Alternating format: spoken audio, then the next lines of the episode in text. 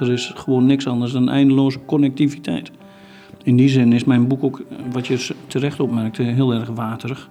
Ik probeer alles bij elkaar te halen. Je moet het water ook zien als een molecuul dat voortdurend bezig is om met andere watermoleculen in contact te zijn. Ja, maar niet op een sterke manier. Niet het, op een het sterke kan namelijk ook weer voortdurend ook weer loslaten. En dat is het. Ja, ja. Het, het grijpt en het laat ook weer los.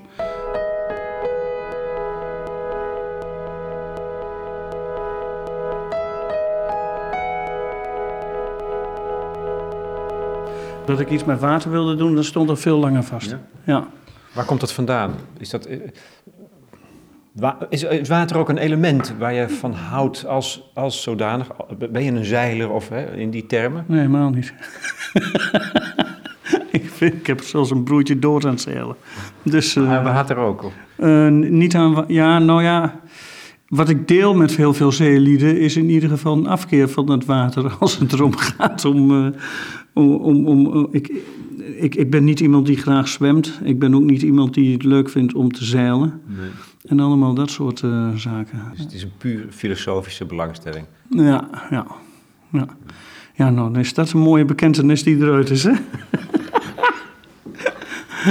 Ehm, Nou ja, dan is er nog genoeg over te zeggen natuurlijk. Dat is het punt helemaal niet. Nou, er zijn wat traumatische gebeurtenissen in mijn leven. Ik, ik, ik kan me herinneren dat ik mijn broertje een keer bijna heb zien verdrinken in het Twentekanaal. En vanaf dat moment dacht ik dat water is heel vervelend. Ik schijn wel als kind een waterrat te zijn geweest. Dus ik vond het erg leuk om te zwemmen. En dat deed je vroeger nog eh, in, in, in het Kristalbad in, eh, in, in Hengelo. Dat, eh, dat aan het Twentekanaal lag. Ja. Nou, dan sprong je gewoon van de brug af misschien zelfs wel. Ja, dat heb ik ook wel eens gedaan. Ja, dat is toch een flink aantal meters hoor. Dan moet je wel durven. Ja, ja. ja, het mooie was zelfs om nog helemaal op die boog te klimmen. Als jochie van 8, 9 jaar.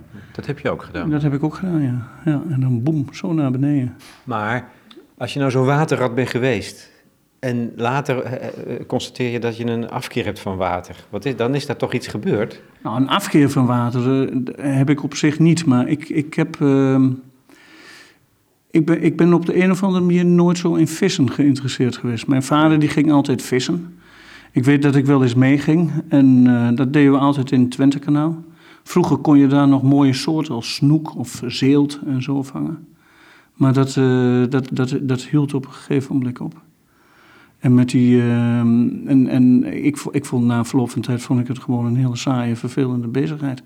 Dat water was maar aan het, eh, aan het klodderen, aan het slijmen. Aan het, eh, ik vond het altijd ook een beetje viezig daar langs.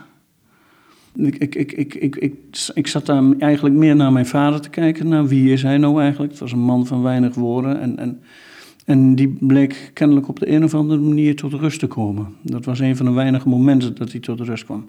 Ik kan me wel herinneren dat er één keer een moment was dat het leefnet dat we hadden, waar we de, de buit instopten, dat dat een keer van het haakje gesprongen was. Dus aan, aan, aan- je had aan de kant had je zo'n eh, zo, zo'n houten balk en daar had je haakjes aan en dan kon je leefnetten aanhangen.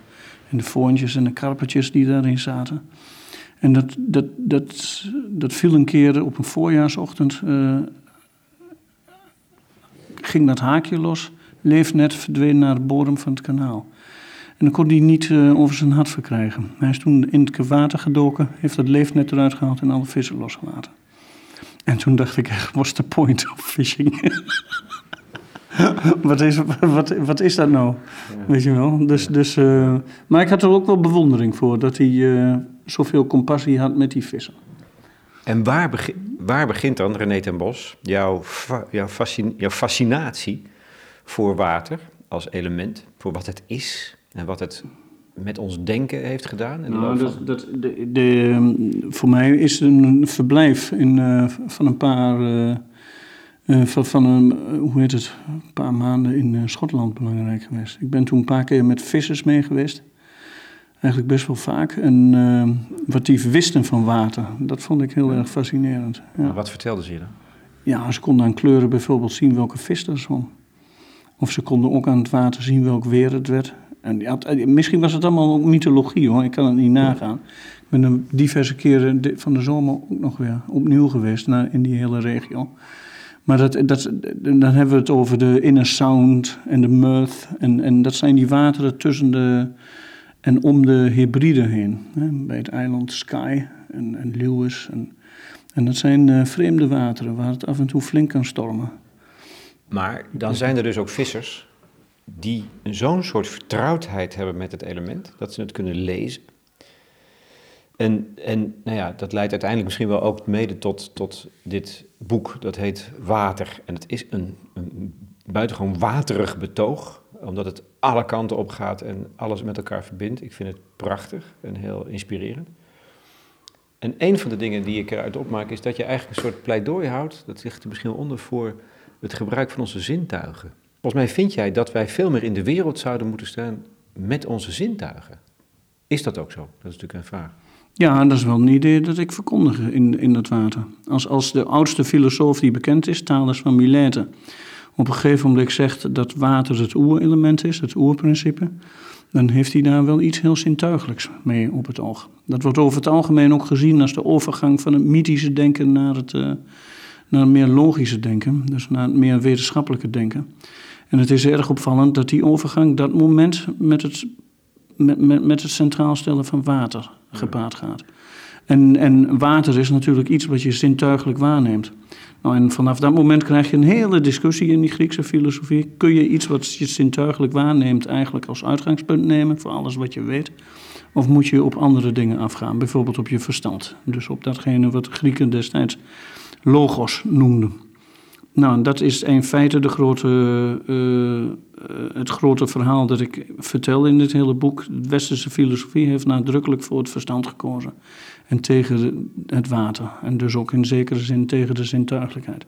En, en, wat is voor jou het belang van die zintuigelijkheid? Omdat het een ander, het betekent dat je op een andere manier in, in, in, in de wereld staat. Als je, de, als je de wereld zintuigelijk waarneemt, dan staat die wereld niet als een object tegenover je. En als je er alleen maar met je verstand naar kijkt, dan objectiveer je die wereld. Overigens is dat niet zo dat ik dat alleen maar slecht vind hoor. Maar het gaat om twee uh, logica's die, die, uh, die, die erg botsen. Je zou kunnen zeggen dat in de Griekse filosofie is, is, is op een gegeven moment het, het verstand, de logos, centraal komen te staan. Maar in de Chinese filosofie is het water altijd centraal gebleven. Daar dus de zintuigelijke ervaring van de omgang met de wereld. Die blijft, die blijft, voor zover ik dat kan nagaan, want ik ben geen sinoloog. Maar uh, die blijft uh, erg belangrijk. Vandaar dat er op het boek ook een uh, kunstwerk van een Chinese meneer staat. Ja. Dat op een mooie manier tot uitdrukking brengt. Tian Yang Wo heet hij. En dat brengt op een hele mooie manier tot uiting dat wij eigenlijk niet naar water kijken. Dat zijn een aantal naakte mannen die met hun onderlijf in het water staan, ja. naar boven kijken, maar hun hand op hun, op hun gezicht hebben gelegd, hun ogen. Dus we zien het niet, ja. we, we zien niks. Ja, dat drukt die, dat kunstwerk uit. En ik vind dat uh, dus heel erg mooi, omdat... Uh... Vind jij dan dat wij met zoveel woorden in het Westen blind zijn? Nee, blind niet. Um, maar ik vind wel dat en doof en stom en... ja, ik vind wel dat we op een bepaalde manier het belang van uh, zintuigelijkheid uh, ontkennen. Ja. ja, omdat dat verstand altijd centraal staat. Als je bijvoorbeeld naar grote filosofen kijkt, hè, dan die, als Kant, dan heb je altijd het idee, oh ja, daar komt het mannigfalticus, het veelvuldige, dat komt via de zintuigen binnen. En daarna komt het grote verstand, de categorieën van het verstand, die gaan dat menigvuldige, dat binnenkomt in zijn, al zijn chaos en dergelijke, die, gaan dat dan, die gaat dat vervolgens ordenen en, uh, en in de juiste volgorde zetten en temporeel maken en weet ik veel wat, structureren. En dat, dat de, nou, ik, ik heb wel wat meer uh, gevoel voor dat uh, menigvoudige of ja. menigvuldige. Ja.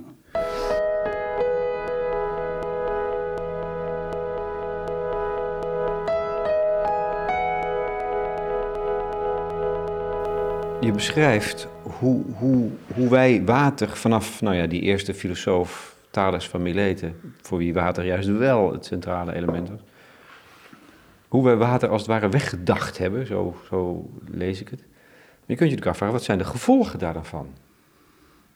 ja, verlies van zintuigelijkheid. Maar wat betekent dat dan precies? Een andere verhouding tot de wereld, maar dan verliezen we toch iets? Nou, de, de gevolgen daarvan zijn immens. Daar, daar gaat het hele boek over. Ja. Dus, dus eh, de gevolgen daarvan zijn dat, dat bijvoorbeeld de zeeën en de oceanen enorm geobjectiveerd worden. Dat de zeeën en de oceanen alleen maar plekken zijn waar wat te halen valt. Waar je verder op de een of andere manier geen enkele intrinsieke waarde aan hoeft toe te kennen.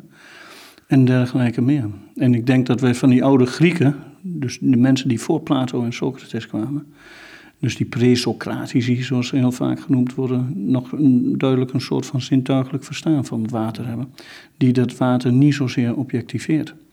Ik denk dus meteen dat de problemen die de, zee, die de zeeën vandaag de dag hebben, met, met, uh, nou ja, met, met, met, met uh, uitsterven van soorten, met de, teleurgang van kril, met uh, de, de zeevonkexplosies, met met de plasticberg en ga zo maar door. Dat het, dat het allemaal te maken heeft met het feit dat het water.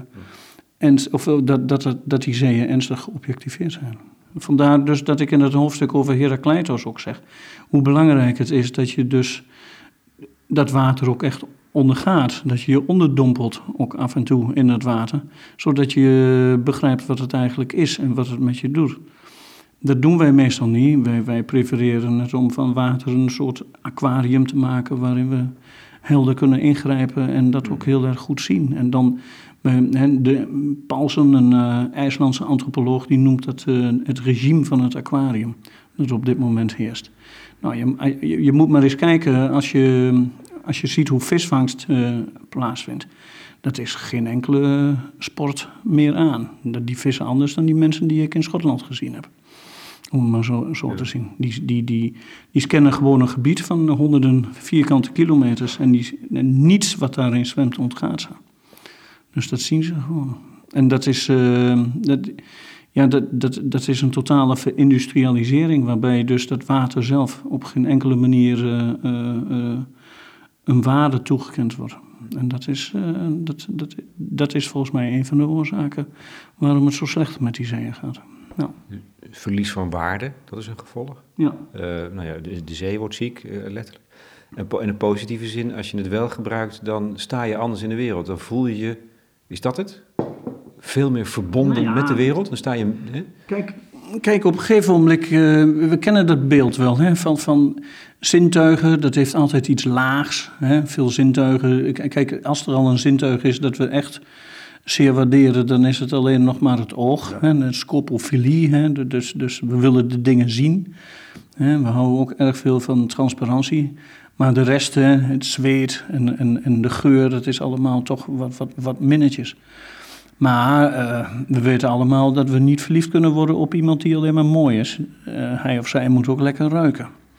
En dat soort uh, dingen die spelen een belangrijke rol een beetje een, een, een, fysioloog of iets dergelijks, of zo iemand, die kan, kan je dat uitleggen.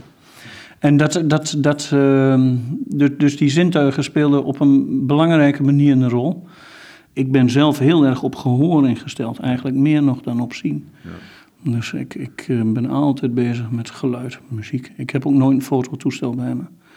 Ik, uh, maar het, als ik bijvoorbeeld door India reis, dan zou ik heel graag een geluidsopname toestel, zoals jij dat nou ook hebt, ja. meenemen. Ik kan het je aanbevelen, het is maar een paar honderd euro ja, en het werkt heel goed. Ja, ja, dus, nee, dus, is, ik, ik, ik, deel dat. Ik ben natuurlijk, ik, zolang als ik voor de radio werk, werk ik met mijn oren. Dus ik sta anders in de wereld. En ja. Ja, dat is fascinerend. Dat is een, een, grote bron van opwinding en vreugde. En van ellende trouwens, want je hoort ook alles. Ja.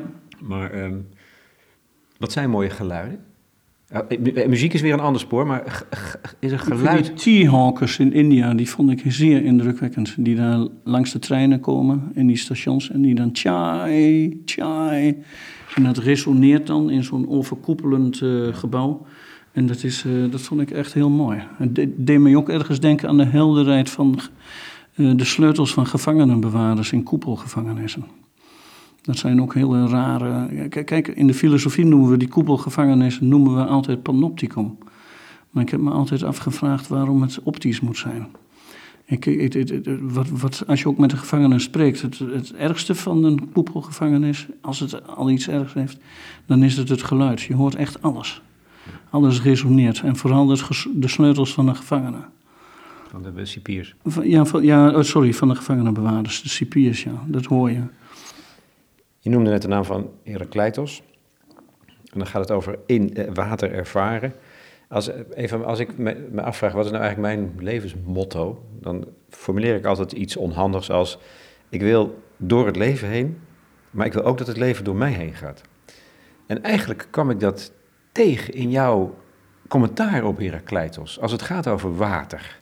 Dat, je, dat, dat, dat dat iets is wat, wat je... Je stapt in het water, maar tegelijkertijd is het ook bijna alsof dat water door jou heen gaat. In, in die zin dat, dat je het moet ervaren. Het is, een, het is een, een beweging die twee kanten op gaat.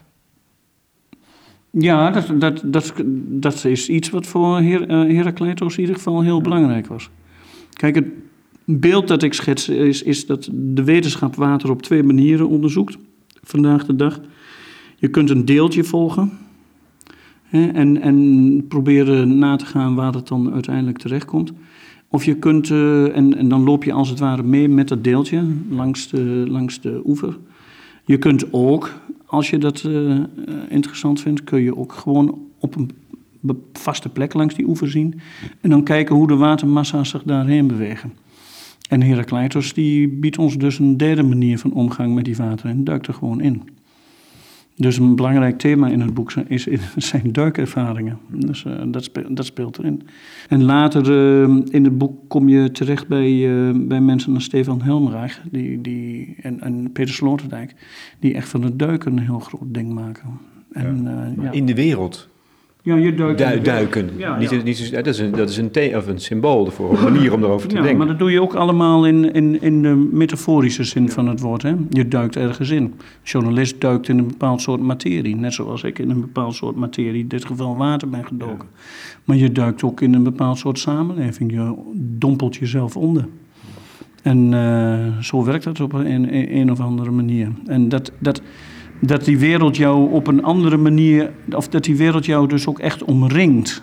Dat, dat is iets wat je met zintuigen meer gewaar wordt. Dan uh, dat je alleen maar denkt van ik sta hier en daar is de wereld. Dus dan hef je de afstand op. Ja, je heft die afstand op. Dat wordt direct. Ik bedoel, uh, die ervaringen zijn allemaal bekend. Uh, denk aan, nou ja, als, ik, ik, denk bijvoorbeeld aan mijn dochter, die uh, graag uh, naar uh, gaat en, en, en dergelijke in Amsterdam of in Nijmegen. En die, die hoort dan die muziek en ja, die gaat helemaal uit het dak. En het mooiste, zegt ze, heeft ze wel eens gezegd, van die muziek is dat je eigenlijk niet meer goed hoort of je de muziek hoort of de stemmen van de mensen om je heen. Waardoor je in feite niet meer precies weet of jij nog tegenover die wereld staat. Jij, jij, jij, jij bevindt je er echt in. Nou, daar is heel veel over gefilosofeerd. Hè. Dat, dat noemt Heidegger noemt dat in zijn. Uh, in, in uh, Sloterdijk noemt dat in een sfeer zijn en, en dergelijke meer. Mediaal zijn. Mediaal zijn, ja. ja. En dat, dus en als je duikt, dan is dat vooral, voor alles, is dat een mediale ervaring. Iedereen die dat ooit gedaan heeft en die mij dat vertelt, is, is, ja, je, je, dat is iets heel anders dan dat je alleen maar denkt van, oh, ik sta hier, ik zie de wereld. Wie duikt, die, uh, die ervaart het op een andere manier.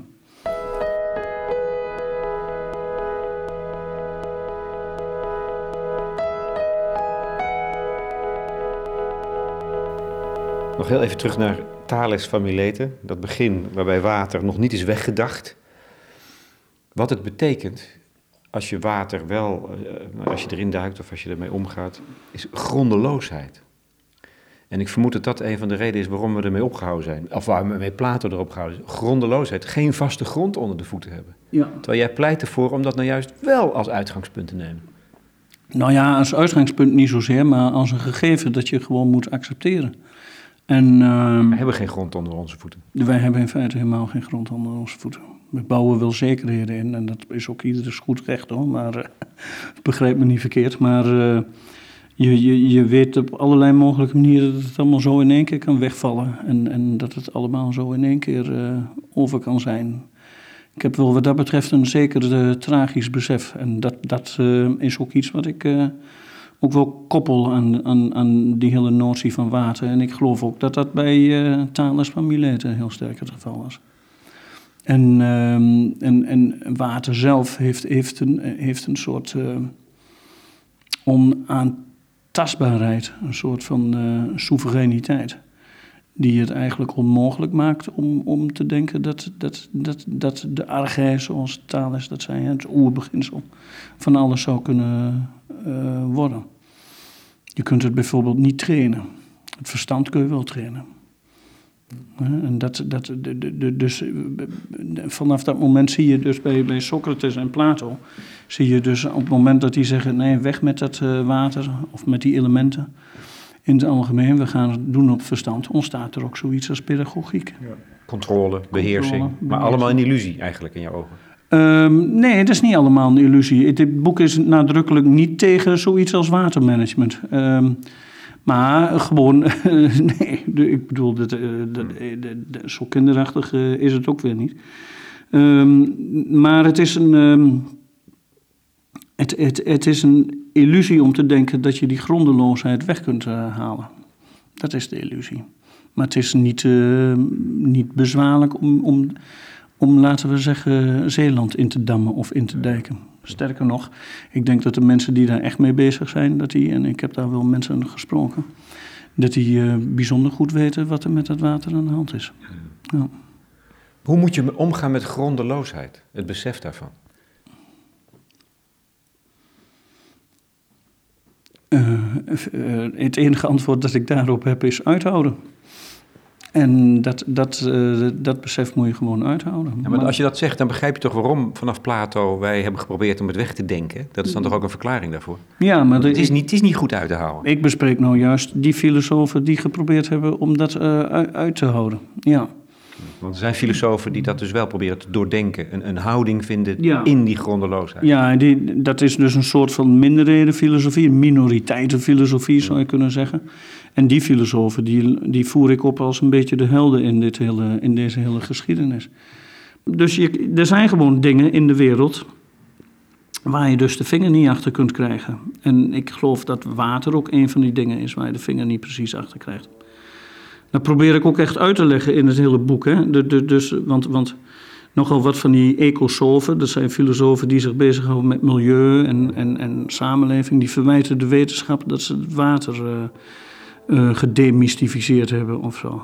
Maar ook als je van water een molecuul maakt in plaats van een element, dus als iets wat samengesteld is uit twee andere delen in plaats van iets wat onsamengesteld is, dan nog is het een heel vreemd molecuul en een heel maf molecuul. Dus al die wetenschappers die zich met water bezighouden, die, die, die staan nog steeds helemaal perplex over de eigenschappen van het water. Maar dat wil niet zeggen dat, dat, je, dat je er geen mooie dingen over te weten kunt komen.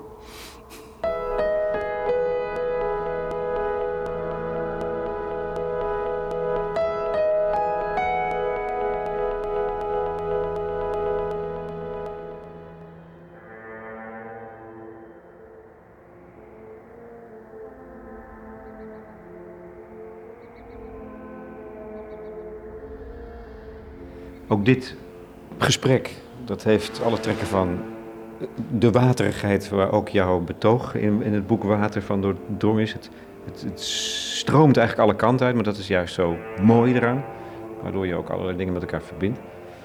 Um, we hebben het water weggedacht, maar heel, heel hip en modern is om te denken in termen van flow. En daar zie je natuurlijk wel weer de behoefte of het verlangen naar het, het stromen, hè, wat zo kenmerkend is voor water. Dus doen we het stiekem niet toch een beetje? Ja, we, we zijn natuurlijk helemaal uh, ambivalent over dat, uh, dat, dat water. Dat, dat, dat is heel bekend. En al die managers en goeroes, hè, de, de, de, of hoe heet dat, die management uh, man, managers. En, ja, die, die zijn wel bezig met die Chinkt, Chinkt Mikaeli. Ja, die, dat kwam er goed uit. Ja. dus die, die mensen die zijn, uh, uh, ja, die, die houden wel van de flow en, en dat soort zaken. Maar is dat waarachtig? Klopt het? Of, of is er dan toch nee, iets wat... er is in dat hele discours is ontzettend veel schijnheilig gedoe. Het blijft natuurlijk toch allemaal uh, planning om, om te proberen de human resource fit te krijgen ja, voor, voor de normale werkprocessen. En als we het hebben over flow, want je, ik ken dat gevoel van flow wel bij vlagen. Um, ja Dat is echt iets anders dan het vlietende van het water van Thales. Nou, dat weet ik niet. Ik, ik, tuurlijk ken ik ook wel uh, die flow. Maar de wijze waarop het gebruikt wordt in organisaties om energieën te mobiliseren. Zodanig dat mensen beter hun best doen of harder gaan werken. Of dat het een prestatiedrang uh, gaat bevorderen. Dat is natuurlijk, volgens mij kan het niet de bedoeling zijn. Dat, dat, is, uh, dat is heel eenvoudig. Waarom kan het niet de bedoeling zijn? Omdat het dan omdat, omdat ik namelijk denk dat die flowmomenten in hoge mate niet georganiseerd kunnen worden. Twee grote thema's nog. Kapitalisme en de zee en wetenschap. En misschien dat we dan kunnen eindigen met die Franse filosoof Michel Serres. Die jij uh, volgens mij ook wel bewondert in ieder geval naar voren haalt als een belangrijke filosoof. Er bestaat voor jou een hele duidelijke relatie tussen de zee en het kapitalisme. De zee maakt het kapitalisme mogelijk. Ja. Hoe zit, hoe zit dat precies? Dat is uh, een inzicht dat niet alleen bij mij bestaat hoor, maar het is een oud filosofisch inzicht. Ik geloof dat Hegel, Duitse filosoof die rond uh, 1800 leefde, dat hij de eerste was die dat ooit uh, formuleerde. Dat, dat, dat de wending van Engeland naar een maritiem bestaan, dat dat mede het kapitalisme mogelijk heeft gemaakt. En, hoe kan het nou als wij die zee zo onbelangrijk hebben gemaakt, zo weg wilden hebben. Hoe kan het dan zo fundamenteel zijn voor wat wij nu beleven als hoogtijdagen van het kapitalisme? Ja, er ligt rijkdom. Er ligt mogelijkheid tot uh, welvaart ligt aan de andere kant van de zee. En daar, daar vaart men dus heen. dat wordt ook steeds makkelijker door scheepvaarttechniek, die erg emancipeert. Die dus steeds die, die mensen in staat stelt om steeds sneller naar de overkant te komen. Dus je kunt een enorme handel uh, opzetten, waarbij je dus die typische verdeling krijgt van, van de, de eerste kapitalistische economieën, wat we ooit derde wereld noemden, dat zijn de grondstoffenleveranciers van de grote industrieën, die hier in de eerste wereld uh, aan het ontstaan zijn. Dat is nu allemaal heel anders, maar in die tijd uh, werd, dat, werd dat zo. En het aardige is dat, dat, dat, of het interessante daarbij is, is dat, dat in dat hele proces voor dat water zelf geen enkele eh, waardering uh, is. Hè? Dat is slechts een hindernis waar je overheen moet. Dus dat vind je op de een of andere manier uh, niet, niet, niet, niet, niet interessant. Net zo min als dat de landen overzees niet interessant zijn, of dat de mensen niet interessant zijn. Weliswaar zijn de intellectuelen die daarmee bezig zijn. Maar doorgaans zijn het alleen maar uh, landen die je kunt uh, ja, kunt plunderen. En, en die dus bijdragen aan de verrijking van het eigen land. Maar het, de, de essentie van het kapitalisme die staat nog steeds vier overeind. Je, je hebt, uh, de wereld is één grote grondstof en die grondstof moet omgezet worden in het eindproduct. En het eindproduct is geld. En dat is in sommige opzichten is dat, uh, is, is dat heel lastig. En veel van die grondstoffen die in de wereld, die kon je gewoon overzees vinden. Ja. Dus men begon te varen. Ja, een van de... in, in de zee natuurlijk, hè? dus, dus uh, visvangst en dergelijke. Je noemt een paar paradoxen die ermee samenhangen, zoals dat tussen vrijheid en eigendom. Ik bedoel, die zee is van niemand. Of dat is ook eigenlijk even de voorwaarde voor het kapitalisme, het vrije verkeer. Ja, ja. Maar, wat, maar we maken alles tot ons eigendom. Ja, maar de zee kun je niet toe-eigenen. Het is nog steeds een, een, een wetteloze zone. Daar gelden niet alleen geen eigendomswetten, maar heel veel dingen uh, onttrekken zich aan, aan, aan, het oog van wetgevers. En dat is, uh, en dat is beweer ik in dit boek, uh, zeer noodzakelijk voor de ontwikkeling van het kapitalisme. Dan, want daar waar geen wetten zijn, daar eh, wordt handel een stuk goedkoper. Dus je reduceert, zoals economen zullen zeggen, transactiekosten. En dat is, uh, dat is dat, het is dus eigenlijk een ongeorganiseerde, wetteloze zone die de mogelijkheidsvoorwaarden voor het kapitalisme vormt. Tot op de dag van vandaag zie je dat, dat, dat in dat hart van het kapitalisme dus iets heel erg ongeordends en, en, en bijna anarchistisch, uh, of anarchisch moet je eigenlijk zeggen, zit. En, en, ja, dat is wel dat woord tot het kern van het water denken. Ja, ja, ja, ja, precies. Die, die kapitalisten die hebben dat wel goed begrepen. Dat de zeeën een, een, een, een, weliswaar niet interessant zijn, maar wel een medium vormen die, die, die aanleiding kan zijn tot veel rijkdom. En wat ik fascinerend vond, is jouw interpretatie van Moby Dick. Een van de beroemdste boeken uit de wereldliteratuur. Over die kapitein die zichzelf en zijn hele bemanning meesleept in een bijna wanhopige jacht op die witte potvis, Moby Dick. Alles gaat in de ondergang. Maar jij, jij, jij leest dat ook als een, een aanklacht tegen het, eh, het, het rijpende kapitalisme. Zo heb ik het nooit gelezen. Ja, je kunt het boek op talloze manieren lezen. Dat maakt het ook de krachten vanuit, maar zo eigenlijk nooit. Ja, maar dat, eh, dat lijkt mij wel heel evident. ja. Uh, nou ja, je, kijk, Melville is, heeft lange tijd op een, in een straat gewoond die iedereen nog steeds kent, Wall Street. Hij is getuige geweest van de opkomst van het Robert Baron capitalism.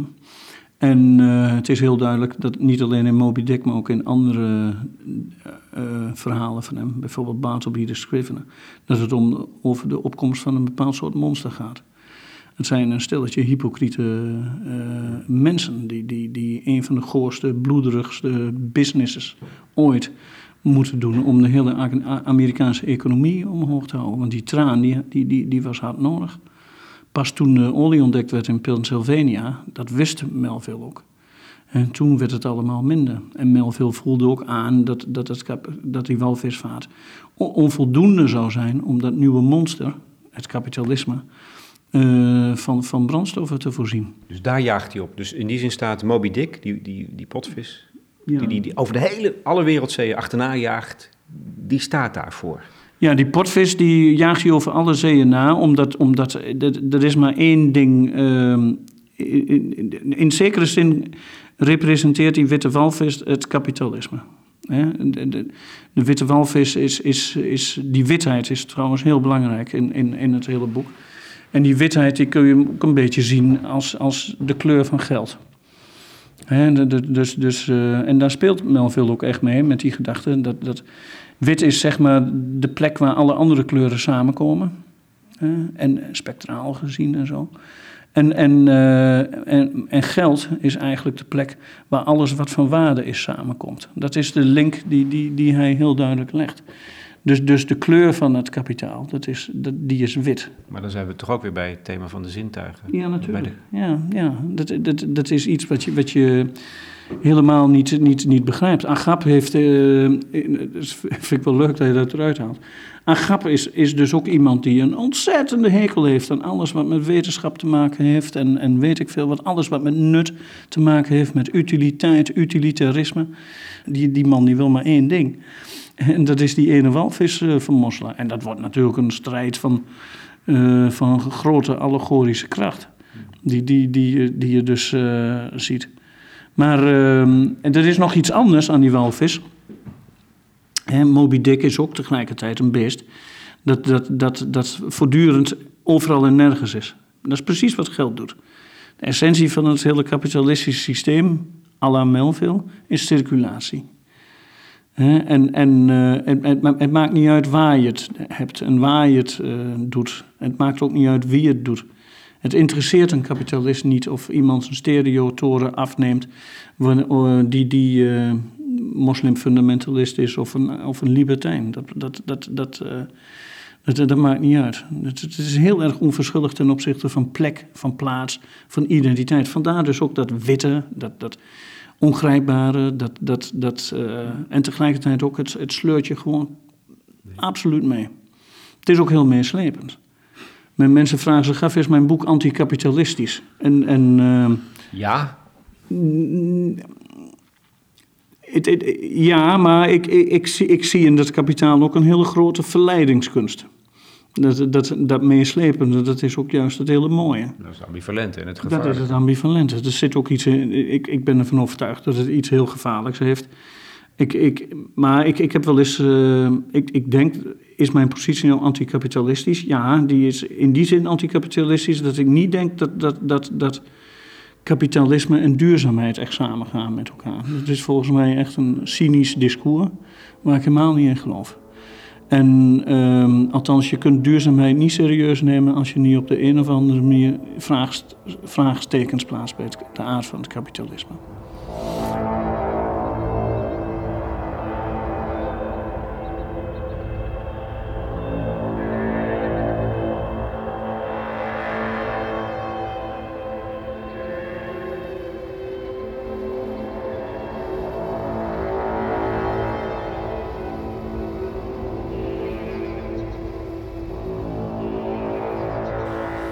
Wetenschap is ook iets waar je je pijlen op richt. En eigenlijk is een van de belangrijkste stellingen misschien wel in, in je boek... dat die wetenschap weer terug moet naar een soort van ethisch handelen.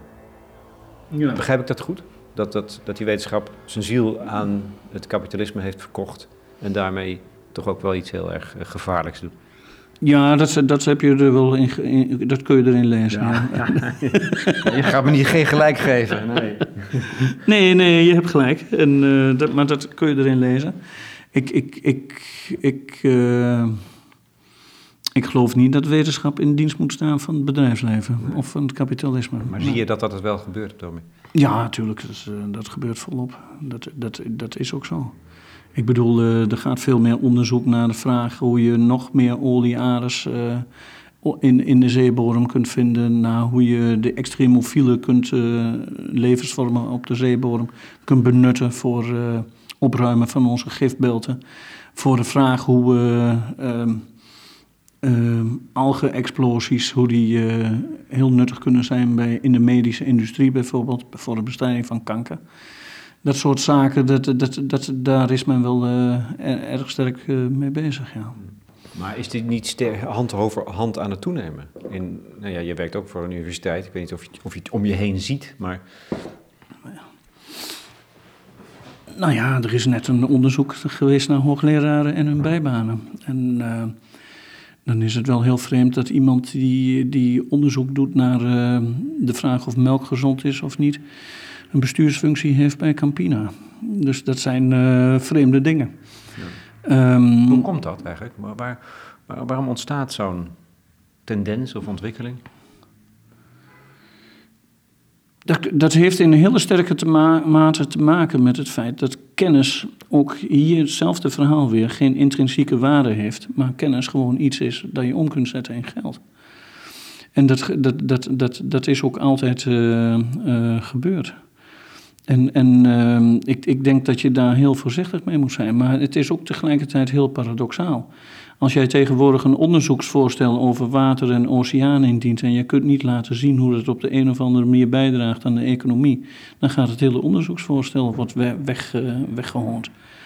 En dat, dat, dat is iets wat uh, die, die Stefan Helmreich, die, die oceanograaf en antropoloog is dat uit Amerika, die laat het prachtig zien. En dat dat, dat, dat, dat voortdurend uh, aan de hand is. Daar heb ik mij natuurlijk door die Michel Serre ook een beetje laten inspireren. Serre die schrijft dan vooral over het feit dat wetenschap, eigenlijk is een andere generatie dan ik, geboren in 1930. En wetenschap heeft zich vooral ook heel erg dienstbaar gemaakt aan de, aan de, oorlogsindustrie, aan de vernietigingsindustrie. En daar is uh, heel veel tijd uh, en energie is daaraan gespendeerd. En dat noemt hij thanatocratie, thanatos, door.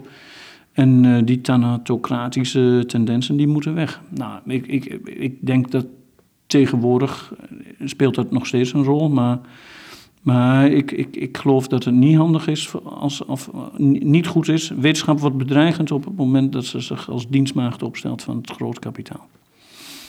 Maar er zit een bepaald soort Amerikaanse bedrijfslogica, een terroristische logica van Frederik Taylor die, die is ook echt uh, het hele universitaire systeem aan het infecteren. En uh, dat, dat, dat, dat betreur ik wel. Ik, ik, ik zou toch willen dat die wetenschappers uh, onafhankelijk zijn. En, en, en vandaar ook dat ik hier in het boek ook een beeld schets van wetenschappers die, die wel geïnteresseerd zijn in, in, in de dieren, in, in, in poëzie, in andere uh. Andere, andere waarden dan, ook, andere waarden dan de economische waarden. Ja, nou ja, wat, wat Agap zei op een gegeven moment met zijn minachting voor het uh, nut en voor het hele utilitarisme, dat natuurlijk in, in, in, de, in, in dat bedrijfsdenken zo zwaar verankerd is. Dat, dat, die minachting voor het uh, nut, dat is iets waar wij nog wel wat van kunnen leren. Ik denk dat, dat Melville dat ook zo, uh, zo presteert. Of presenteert, sorry.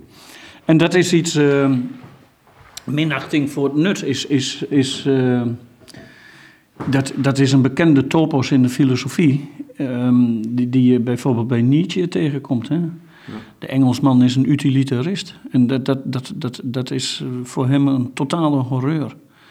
Ik, ik, ik, ik, ik, uh, ik, ik sympathiseer daar wel mee, ja, met dat soort opvattingen. Ja.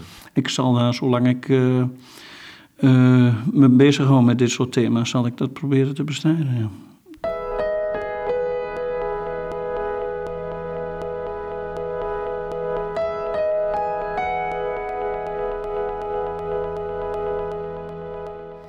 De naam van Michel Serre is al gevallen, Frans filosoof. En hij heeft een prachtig boek geschreven over muziek. ja. Volgens mij ja, is dat, beschouwt hij dat zelf als zijn mooiste eh, boek, omdat hij, ik denk misschien als filosoof, eigenlijk muzikus wilde zijn of in muziek wilde zijn. Maar dat heb jij misschien ook wel. Is, is muziek voor jou ook iets wat, waar al die, al de tragiek, het tragische besef ehm, bijvoorbeeld opgeheven wordt? Ja, en waarbij je ja, echt, ja, dan ga ik ook maar met die termen smijten, eh, mediaal bent, maar Ondergedompeld. ondergedompeld bent. Ja, ik hou heel erg veel van muziek en ik beschouw het als een groot gemis dat, het, eh, dat ik geen instrumenten bespeel. Ja. Nooit gedaan? ja, ik heb wel eens wat geprobeerd. Maar, maar eh, klarinet heb ik nog eens een tijdje proberen te spelen, omdat wij zo'n ding vroeger thuis hadden. Maar eh, dat, dat, ik, ik, ik, iemand zei mij ooit eens, een bekende pianist, Huub van Zek, de broer van Joep, die zei mij ooit eens van, eh, jij moet er helemaal niet aan beginnen, je hebt gewoon absoluut geen talent. Maar dan Dus- probeer je het als filosoof eh, te bereiken. Ja, nou ja, dat heb ik, eh, dat heb ik mij. Ik, ik luister niet vaak naar mensen, maar, eh, dit, of, maar dit, dit was een advies dat ik eh, me zeer heb aangetrokken. Ik, heb maar, eh, ik, ik, ik ben maar de filosofie ingedoken. Nee, muziek is eh, voor mij een heel belangrijk thema. Ik ben altijd bezig. Als ik lees, draai ik ook altijd muziek. Ja, Kan je dat? ja, ja, ja. ja. Maar het moet wel instrumentele muziek zijn, dus geen, eh, geen tekst. Dus het is meestal klassiek of, of techno of elektronica. En dat, die ik dan eh, op de achtergrond mee heb. En dat vind ik ontzettend fijn. Maar Ja. het is ook een soort onderdompeling dan of zo. Ja, dat is ook een soort onderdompeling. En het is een manier die, die, die- waarbij je er ook... Ik zet het ook nooit heel hard. Maar het is een manier waarop je ervoor zorgt dat, dat je bijvoorbeeld alle noise die van buiten naar binnen komt, niet hoort. En voor Michel Serre is, is, is muziek vooral ook noise. Hè, In dat boek waar jij het over hebt, bespreekt hij het als een, eh, als een, als een, als een soort grondruis. Hè, Een brie de fond. Da- da- Daar zit hij ook eh, een, een, een, een soort van eh arge-achtig iets in. Hè, Dus het, het woord ruis heeft ook heel veel met zee te maken. En, en noise, nautica, na- hè, dat, dat zijn woorden die met elkaar te maken hebben. En, en ehm, de, de, de, dus ehm, wat hij probeert te laten zien is dat de wereld een soort van eh, grondtoon heeft, of een grondruis heeft. En als je langs de kusten staat, kun je dat dus heel goed merken. Dan hoor je dat ook echt. En dat, dat, dat, ehm, dat speelt voor hem een belangrijke rol dan de gewone muziek zoals wij die kennen. Ah, ja. Hij, hij, hij, hij, hij- hij draagt het wel op aan muzikanten, maar hij stelt zich zo voor dat de muzikanten in mooie orkesten en, en weet ik veel wat, dat, dat, dus, dat die muziek ook altijd alleen maar mogelijk is als een soort modificatie van, van die grondruis. En dat vind ik wel heel erg interessant. Al- Als een manier om in de wereld te zijn of de wereld in jezelf te ervaren. Ja, ja. Via je oren. Die- Ja, ja zo, zo, zo, zo kun je dat horen. Ik, ik, vind muziek over het algemeen het interessantst als je. ehm, als het ergens in gelokaliseerd is. Eh, Dus je hoort. ehm, wat ik heel mooi vind. Ik, ik, eh, ik ken een stuk van een klassieke componist, Ingram Marshall. En de, dat heet eh, de, de Fogtropes. Daar hoor je in het begin hoor je van die havengeluiden. Hè, van de misthoornen volgens mij. de misthoornen, scheepstoeters. En die zijn dan echt. En die worden dan langzamerhand worden die vervangen door blazers. En het eindigt het met een blazersensemble. En helemaal op het einde komen die misthoorns weer terug. Dat is echt. eh, ja, dat, dat, dat vind ik dus echt heel mooi. Dus muziek die, die, die verankerd is in een soort ruis van de wereld. En die dan echt letterlijk, zoals ik net zei, dus die ruis van de we- wereld probeert te modelleren, te, te modificeren. Dat zijn voor mij de mooiste muziekstukken.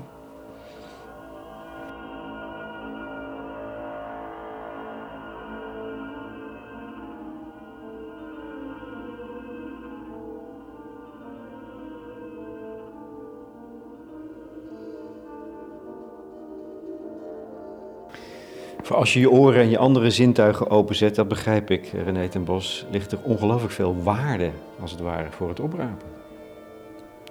Ja, zeker. Ja, ja dus de wereld is heel mooi. Dus, Ik vond het heerlijk om erin onder te dompelen. Dankjewel. graag gedaan.